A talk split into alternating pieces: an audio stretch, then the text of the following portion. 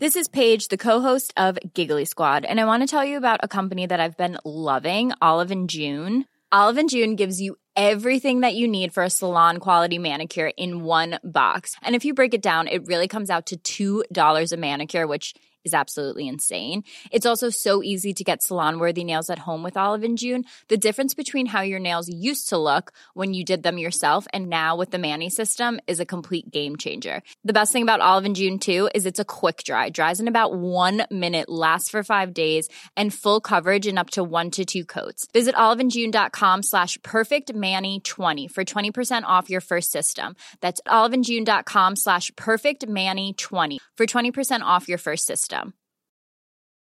I'm Sandra, and I'm just the professional your small business was looking for. But you didn't hire me because you didn't use LinkedIn jobs. LinkedIn has professionals you can't find anywhere else, including those who aren't actively looking for a new job but might be open to the perfect role, like me.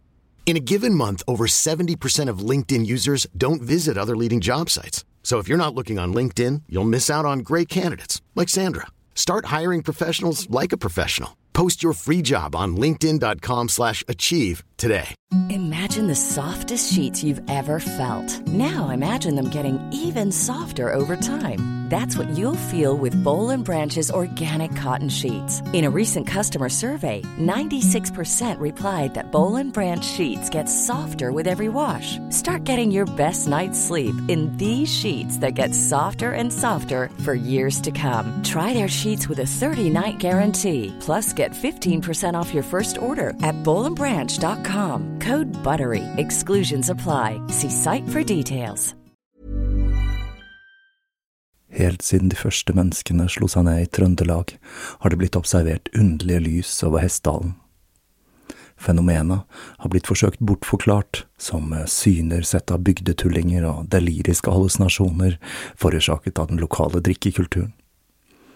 Men det skulle vise seg at fenomenet stakk langt dypere, når Hessdalen-fenomenet fikk verdensomspennende oppmerksomhet i ufo-miljøet på 1980-tallet.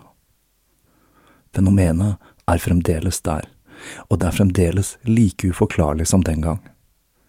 I 2024 kommer en podkastserie i seks deler, produsert av Project Hessdalen, som kanskje en gang for alle skal finne svar på hva som rører seg på himmelen i denne bortgjemte dalen i Trøndelag. Serien har som seg hør og bør fått tittelen A Blaze in the Northern Sky, og den kommer til din favorittpodkastavspiller i 2024.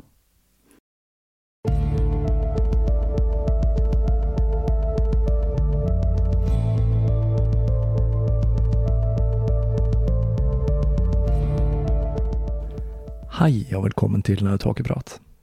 Jeg heter Even, og når jeg tar opp denne episode 164, er det søndag den 4. juli 2021. Og da fikk jeg presset inn neste avsnitt i serien om Diane Fortune like før jeg begir meg ut på reisefot.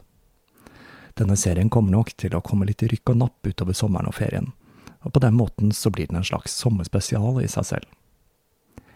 Siden sist så har jeg vært på boligjakt sammen med min kone og nå ser det faktisk ut til at vi har klart å kjøpe oss en leilighet.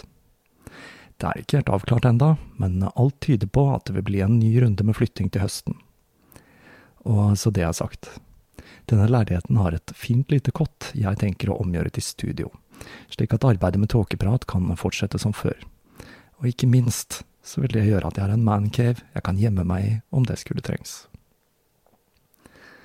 I tillegg så er jeg nå en av de mange som har tatt nåla, fått vaksine, med andre ord. Kun første dose, riktignok, men jeg må innrømme at etter så lang tid med pandemi, så får dette meg til å føle meg nesten som en slags supermann. Det å gå på butikken uten munnbind føles jo nesten som et lovbrudd, og jeg er spent på hvor lang tid det vil ta før vi er tilbake til normalen igjen. Men nå er det altså duket for den andre delen av det indre lyset. Som jeg sa i forrige episode, så er hovedkilden min til denne serien, Diane Fortune and the Inner Light, gjennomsyret av transkripsjoner av kanaliseringene til Diane. Og det bør nødvendigvis en fortelling om Diane Fortune inneholde, dersom man skal forstå tankegodset hennes. Men dette ville blitt en ganske kjedelig serie, dersom jeg skulle tråklet meg gjennom og fortolket alle beskjedene fra de store mesterne. Så i denne episoden har jeg kun valgt å ta med det som er ytterst nødvendig for å danne seg et bilde av karrieren til Diane. For vi trenger eksempel ikke å vite hele fortellingen om eh, hva de store mesterne fortalte om frimureriets opprinnelse i Atlantis. For de som ønsker å gå dypere inn i den tematikken, så er det jo bare å kaste seg over biografien, og ikke minst litteraturen til Dion Fortune. Her er det altså mye kanalisering, og det er lett å trekke på smilebåndet over dette. Spesielt om du som jeg har sett mennesker som kanaliserer romvesener, noe som tidvis kan være svært underholdende. Men jeg aner et lite skille her. Som vi kommer til i denne episoden, så sier Diane selv at om det er underbevisstheten eller en ekstern kraft som snakker gjennom henne i transe, så gjør ikke det at beskjeden som blir transkribert, har mindre verdi. Det må også sies at denne gruppen hennes brukte ganske lang tid på å tyde og tolke alle disse beskjedene i etterkant, så selv om jeg ikke helt klarer å la være å knise litt, spesielt når de store mesterne begynner å blande seg inn i svært så jordiske saker, så må jeg vel bare si at jeg har eh, respekt for Dion Fortunes arbeid og betydning, bare så det er sagt. Men så sa jeg vel også i forrige episode at dette nok blir en litt lettere serie, og det er vel kanskje passende nå i sommerferien. Uansett, da setter vi bare i gang med den andre delen av Det indre lyset.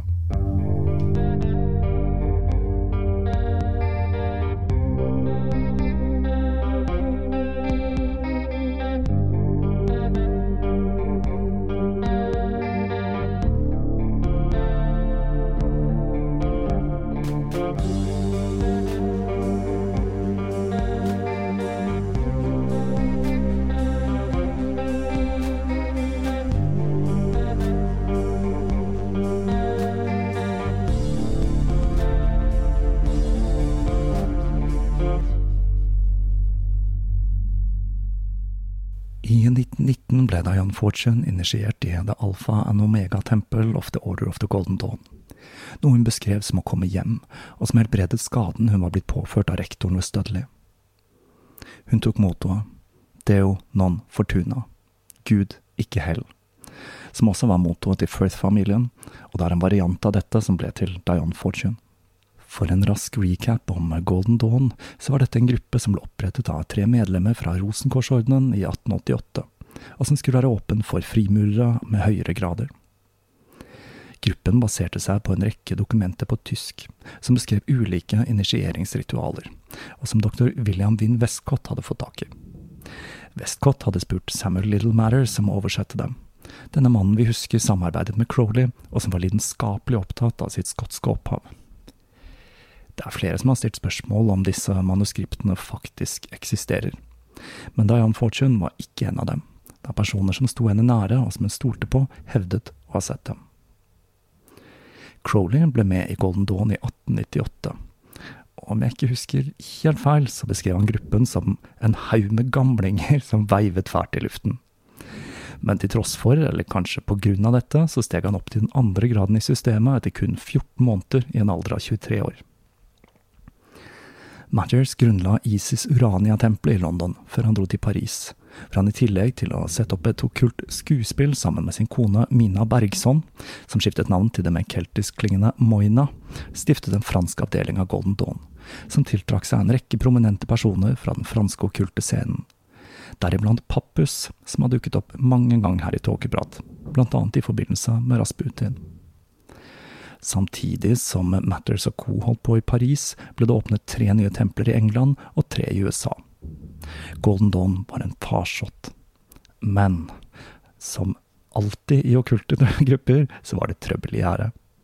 For Golden Dawn så startet dette i London når Annie Horninman, som var en betydelig økonomisk bidragsyter, ble kastet ut i 1896. Så ble dr. Wynne Westcott, som jo er en av grunnleggerne til gruppen, oppfordret av myndighetene til å trekke seg, siden de fant medlemskap i en okkult orden uforenlig med hans yrke som rettsmedisiner. Så kom skandalene som perler på en snor. I 1900 brøt en rekke andregradsmedlemmer ut fra Golden Dawn, og like etter hevdet to personer som hadde voldtatt en 16 år gammel jente, å være medlemmer av orden. Selv om dette senere skulle vise seg å ikke stemme, så var navnet til Golden Dawn nå dratt ned i gjørma.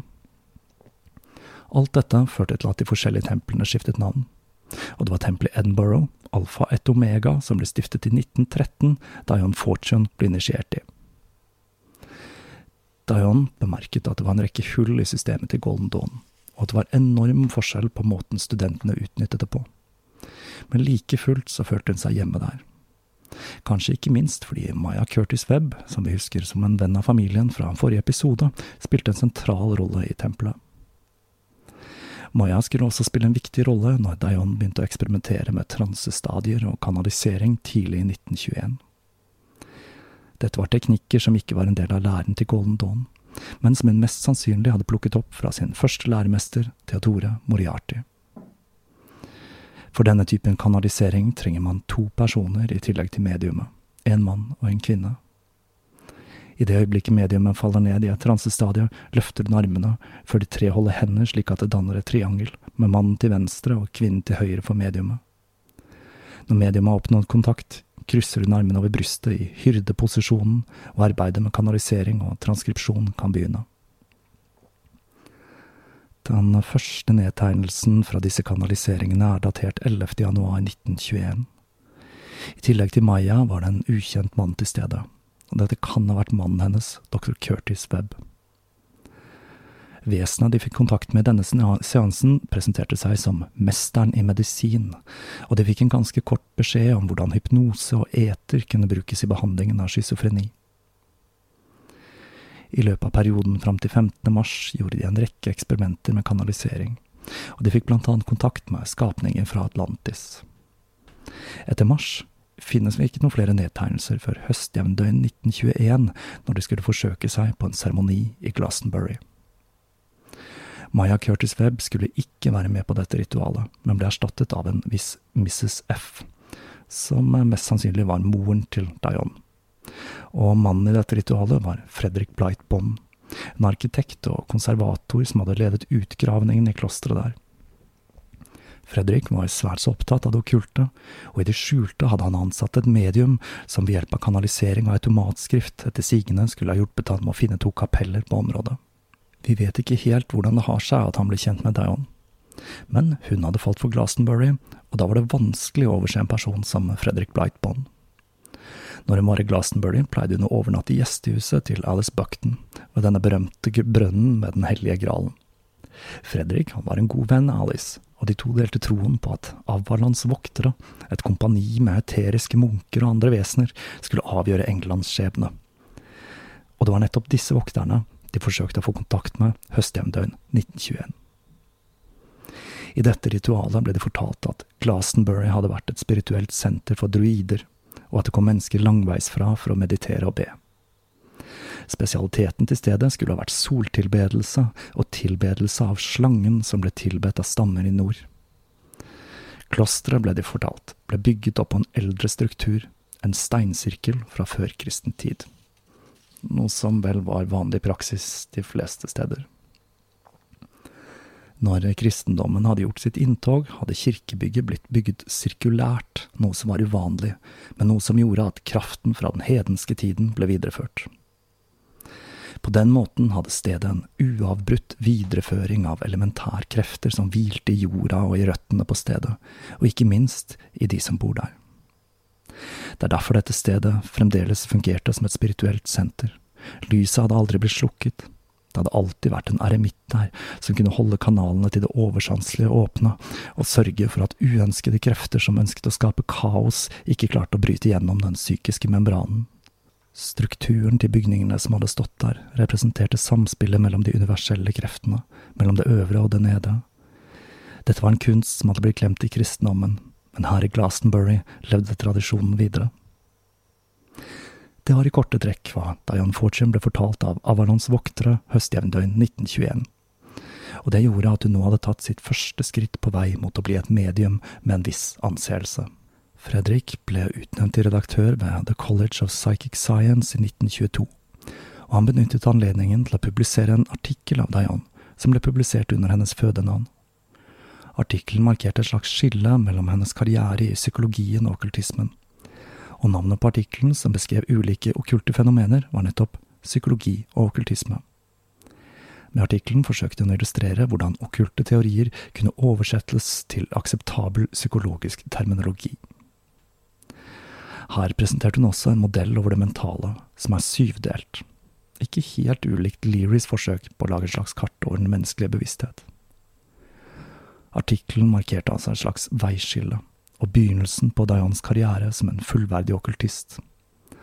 Alt hun trengte nå, var noen å samarbeide med, og hun trengte ikke å vente lenge. I begynnelsen av 1922 ble Charles Thomas Loveday invitert av en venn til Glastonbury. Loveday hadde tjenestegjort i flyvåpenet under krigen. Han var en dreven musiker, og var veldig fascinert av det nye mediet radio. Han hadde til og med bygget sin egen.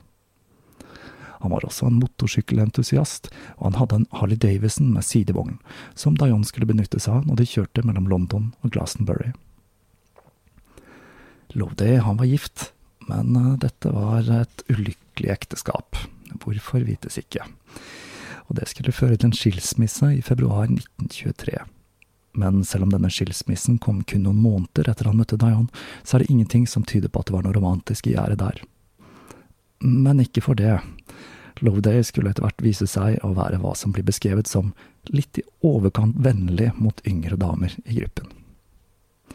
Loveday var opptatt av kristen mystisisme, og han skulle velge det magiske mottoet Amor vincit omnia, eller Kjærligheten overvinner alt. Men selv om det ikke var romantikk i luften når Loveday møtte Diane, så var det en felles anerkjennelse av at de to hadde et viktig arbeid å gjøre sammen. De to møttes ved en tilfeldighet ved denne enn så berømte Gralbrønnen en månelys natt. De begynte å prate sammen, og fra det øyeblikket var skjebnene deres viklet sammen. Loveday skulle være ved hennes side og støtte henne resten av livet, og kanskje også i etterlivet, for de to ligger gravlagt ikke langt fra hverandre i Glastonbury. Sammen dannet de en gruppe som kalte seg Avalanselskapet, og som besto av mennesker med en tilknytning til Glastonbury sånn som Fredrik Brightbond, Alice Buckton og Kitty Tudor Paul.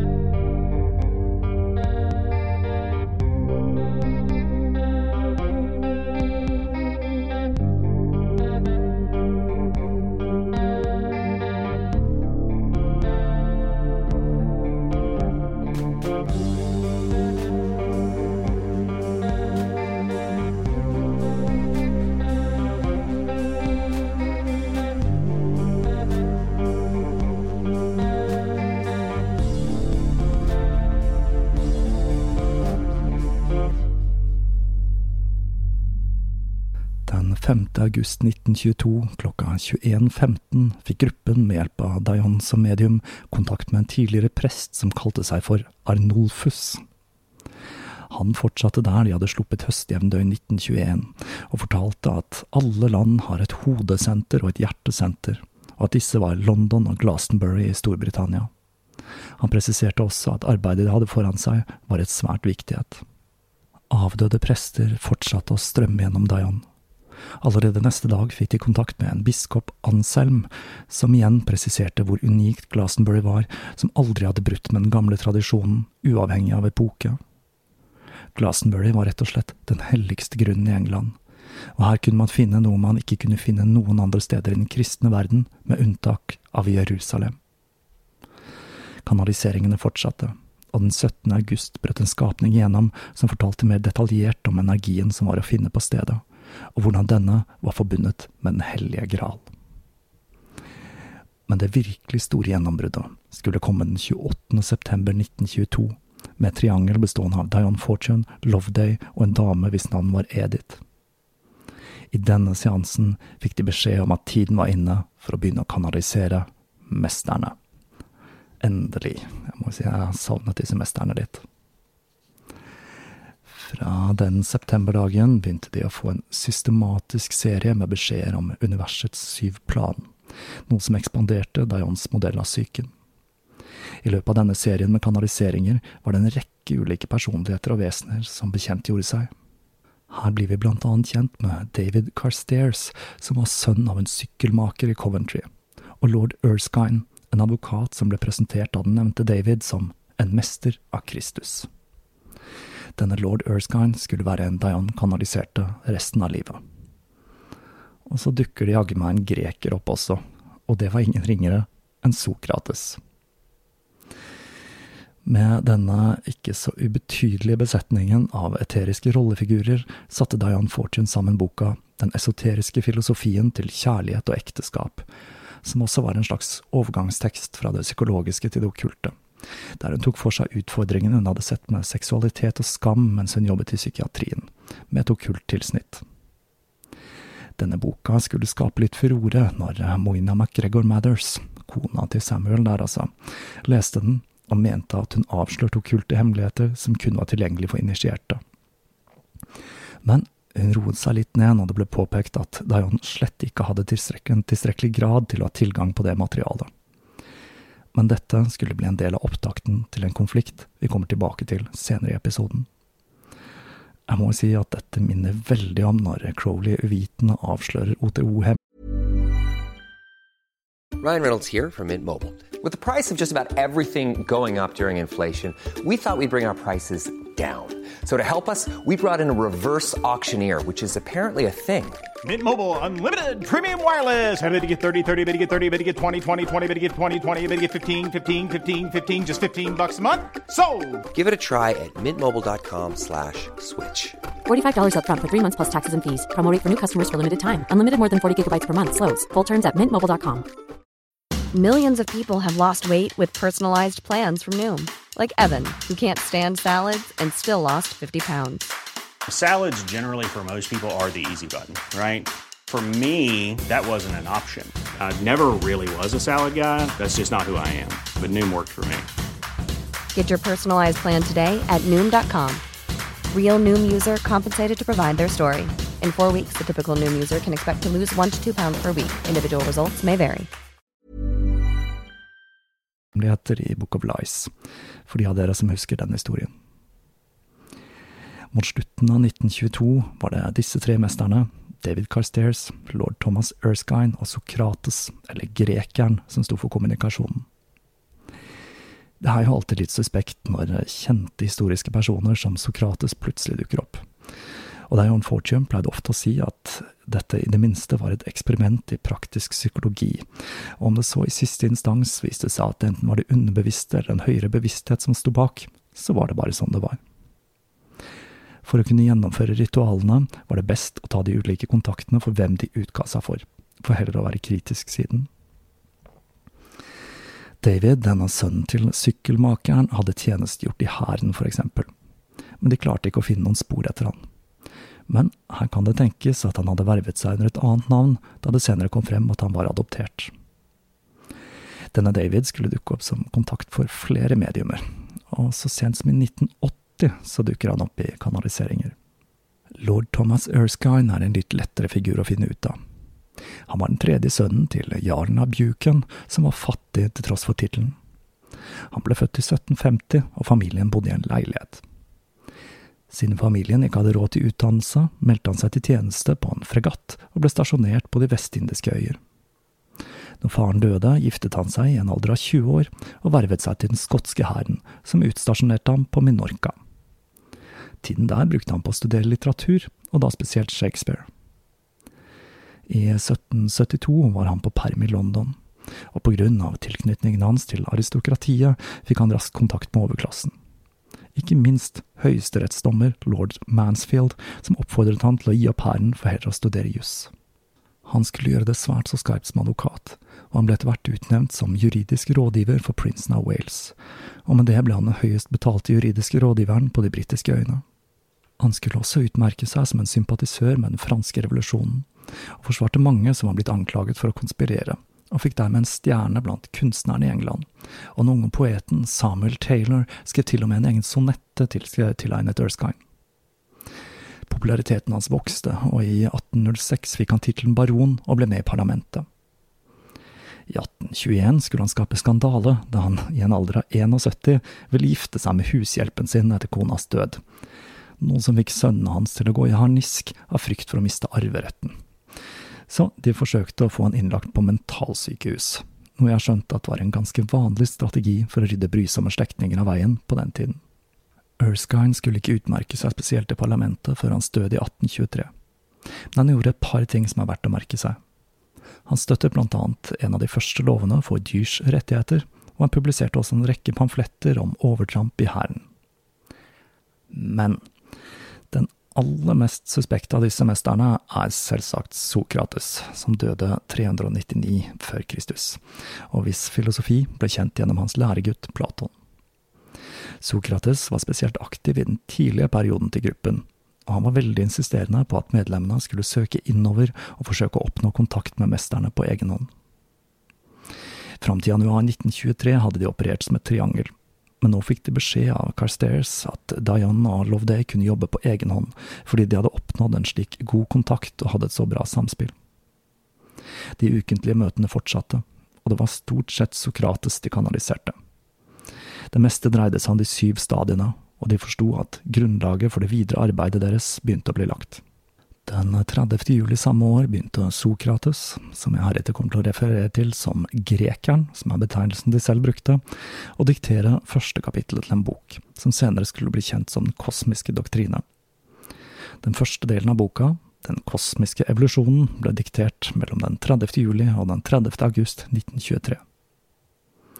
Så hadde de en liten pause fram til den 9. desember, når det dukket en ny stemme opp, og en mester de valgte å kalle psykologen. Han dikterte tolv kapitler over tolv kanaliseringer fram til januar 1924, med tittelen Evolusjonen av logoene og deres regenter. Enda en mester overtok 16. januar 1924, og dikterte Innflytelser på den menneskelige evolusjon. Og resten av boka, som var ferdig kanalisert den 10. november 1924, ble kanalisert via en mester de kalte Den unge grekeren. Jeg lurer da på om dette var Platon. Den 25. februar 1925 satt de med et ferdig verk, og grekeren gratulerte dem med et vel utført arbeid.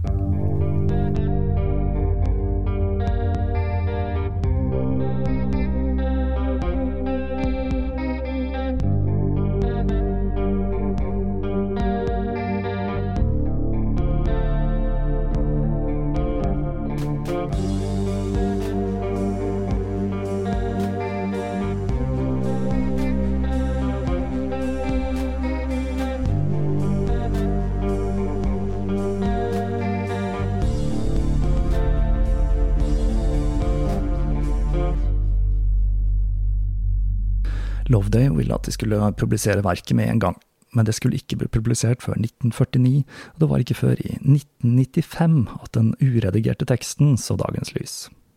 Selv om gruppen møttes jevnlig, så hadde det ingen permanent base til arbeidet. Når de var i Glastonbury, så overnattet de som nevnt i gjestehuset til Alice Buckton ved Gralbrønnen, og i tillegg så leide de et gammelt gårdshus i Chilkwell Street. De utførte også noe arbeid i hagebyen Letchworth mellom 1923 og 25.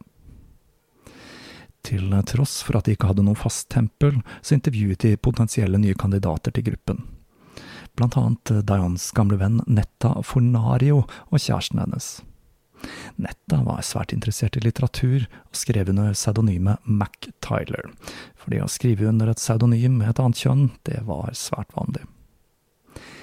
Det var en utfordring med kjæresten hennes, han var nemlig gift fra før og dette førte til en oppglødd respons fra mesterne, der eh, David var bitende sarkastisk, mens lord Erskine, som en advokat, hadde et langt mer nyansert syn på saken.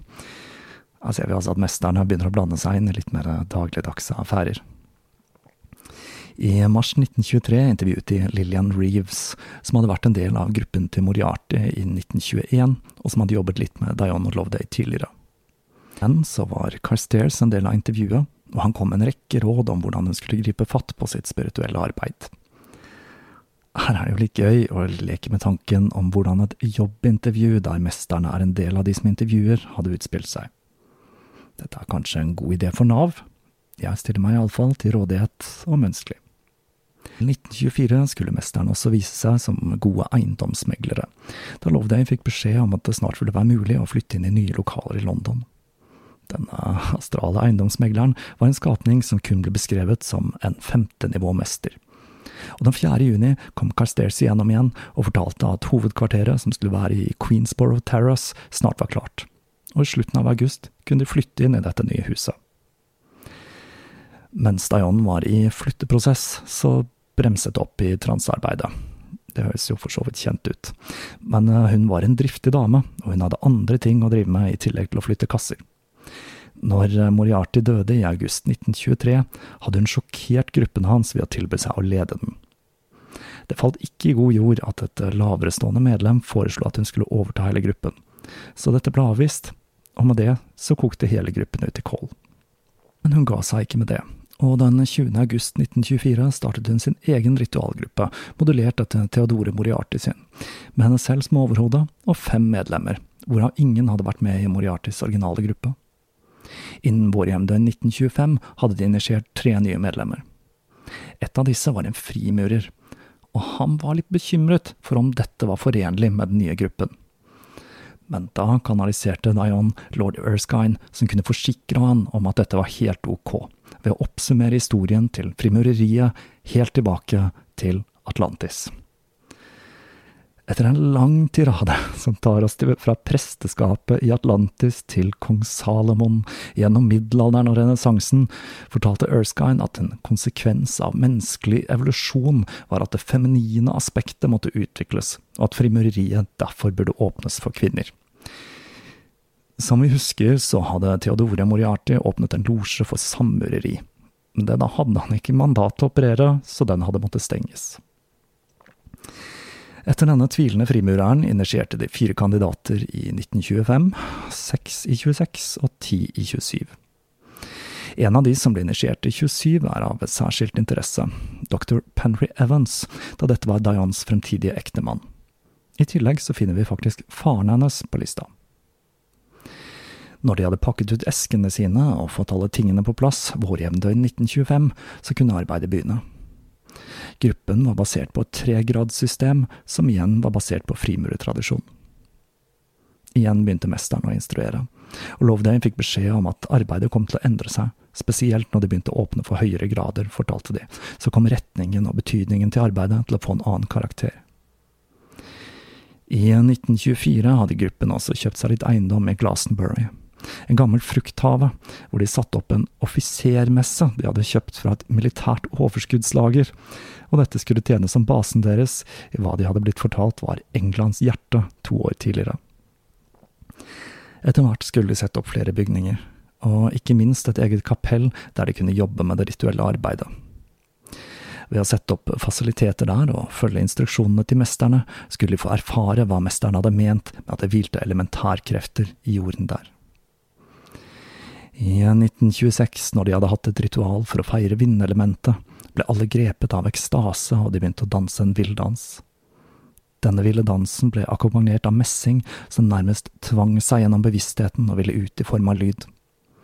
Og denne chanten var en de brukte i årenes løp for å påkalle elementkreftene. Dette er en forholdsvis lang og repetativ chant, noe som nok er meningen, men her har dere et par strofer. Ilden skal ikke brenne deg, vannet skal ikke drukne deg, vinden skal ikke overmanne deg, steinene skal ikke falle på deg, ilden skal være din følgesvenn, din trøst i sorg og tungsinn, så flammen du tenner skal trøste og gi kameratskap til din sjel. Her biter jeg meg også merke i at de begynner å blande inn litt kristen mystisisme med navn som Jesus. Og si hva du vil, men det er tydelig at med byggingen av ritualplassen i Glastonbury, så tok gruppen et skritt fra den tradisjonelle esoteriske tradisjonen til grupper som Golden Dawn og frimurerne, og over i ren paganisme. Tilbake til kilden, med andre ord. Nesten med en gang de hadde etablert seg der, begynte mesterne å snakke om elementkrefter, og hvordan de kunne brukes på best mulig måte. Grekeren fortalte dem at det rett og slett ikke var tilfeldig at de hadde bygget ritualplassen sin der de hadde, og at dette var en plass der elementene var spesielt sterke.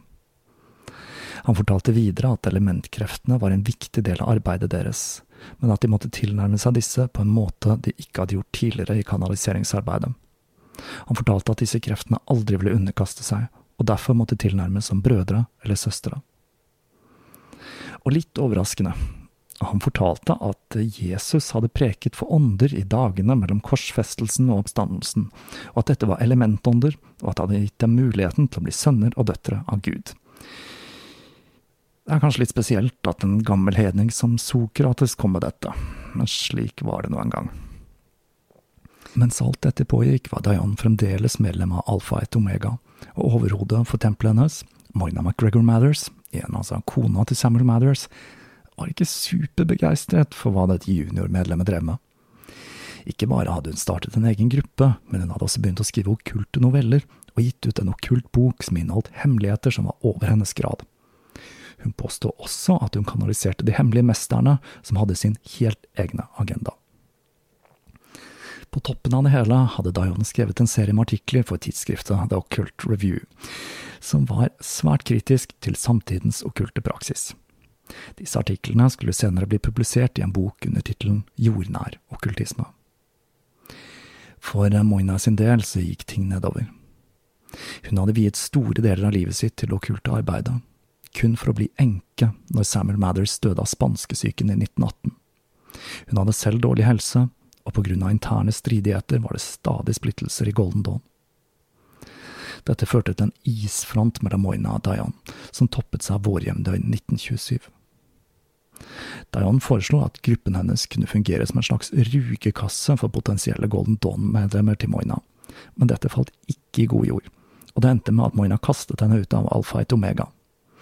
Den offisielle årsaken var at hun ikke hadde de riktige seilene i auraen, en beskyldning det er vanskelig å forsvare seg mot. Diane beskriver det hele som en kamp som foregikk på det metafysiske plan i sin bok Psykisk selvforsvar. Hun skriver at det hele begynte med en følelse av uro, som etter hvert ble erstattet av en følelse av ren fiendtlighet, og hun begynte å se demonansikter. På det jordiske plan ble hun forfulgt av horder av katter, og når hun gikk inn på det astrale planet, kunne hun se at disse ble tiltrukket av astrale simulakrar av kattedyr, så hun klarte å fordrive dem. Så, på vårjevndøgn, gikk Diane i transe. Hun forlot kroppen, og der kunne hun se motstanderen sin, ikledd all regaliaen til den øverste graden i Golden Dawn. Hun sperret veien for henne og nektet å la Dayon bruke de astrale veiene. Dayon nektet å underkaste seg og påkalte hjelpen til de hemmelige mesterne. Så begynte kampen. Det skulle ende med at det var Dayon som tapte, og hun ble kastet tilbake i kroppen, som ikke var der hun hadde lagt seg, men lå sammenkrøllet i et hjørne av rommet. Hun var medtatt, men hun forsto at om hun ga seg nå, så var den okkulte karrieren hennes ferdig. Hun stålsatte seg for å dra tilbake til astralplanet. Først påkalte hun hjelpen til de hemmelige mesterne, og så dro hun tilbake til kampen. Denne gangen vant hun, og hun skulle aldri mer oppleve problemer med Moina. Moina McGregor Mathers, i seg selv en betydelig figur i den okkulte scenen, var nå en slagen kvinne. Helsen hennes skrantet mer og mer, til hun til slutt nektet å ta til seg næring før hun endte sine dager ved St. Mary Abbott sykehus den 25. juli 1928 i en alder av 63 år.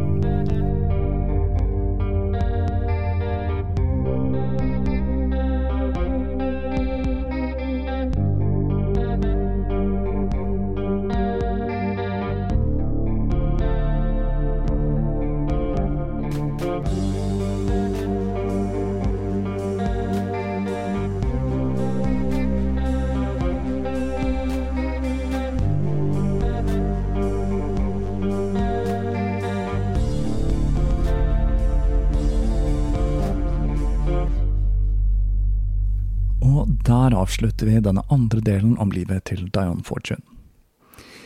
Det er jo litt trist at det skulle ende opp med krangel mellom to bautaer som Diane og Moina, men det er jo ofte sånn det går i disse gruppene, og det har nok litt å gjøre med sterke personligheter, tipper jeg. Dianne skulle etter sigende ha fått et minne for livet etter denne konfrontasjonen, da det astrale slagsmålet hadde ført til at hun hadde fått en rekke kloremerker på kroppen som aldri gikk bort. Som jeg sa innledningsvis, så begir jeg meg ut på reisefot. Denne gangen for å møte min nye svigerfamilie i dypet av Trøndelag, noe jeg ikke har hatt anledning til å gjøre tidligere av pandemien, så det kan jo bli både spennende og interessant. Det blir derfor noen uker til neste delen i denne serien, men fortvil ikke, jeg skal nok nyte høvet til å begynne å forberede høstens episoder. Vi har en hel haug å lese meg gjennom før den tid.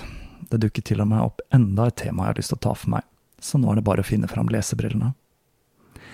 Fram til vi høres neste gang, så vil jeg som vanlig takke alle patrions, alle dere som handlet i nettbutikken, og ikke minst deg som hører på. Jeg vil gjøre oppmerksom på at forsendelsestiden på varer fra nettbutikken kan være noe lenger enn vanlig av ferie. Men varene kommer altså, bare beregn litt ekstra tid. Og da gjenstår det bare for meg å ønske dere alle en fortsatt god sommer.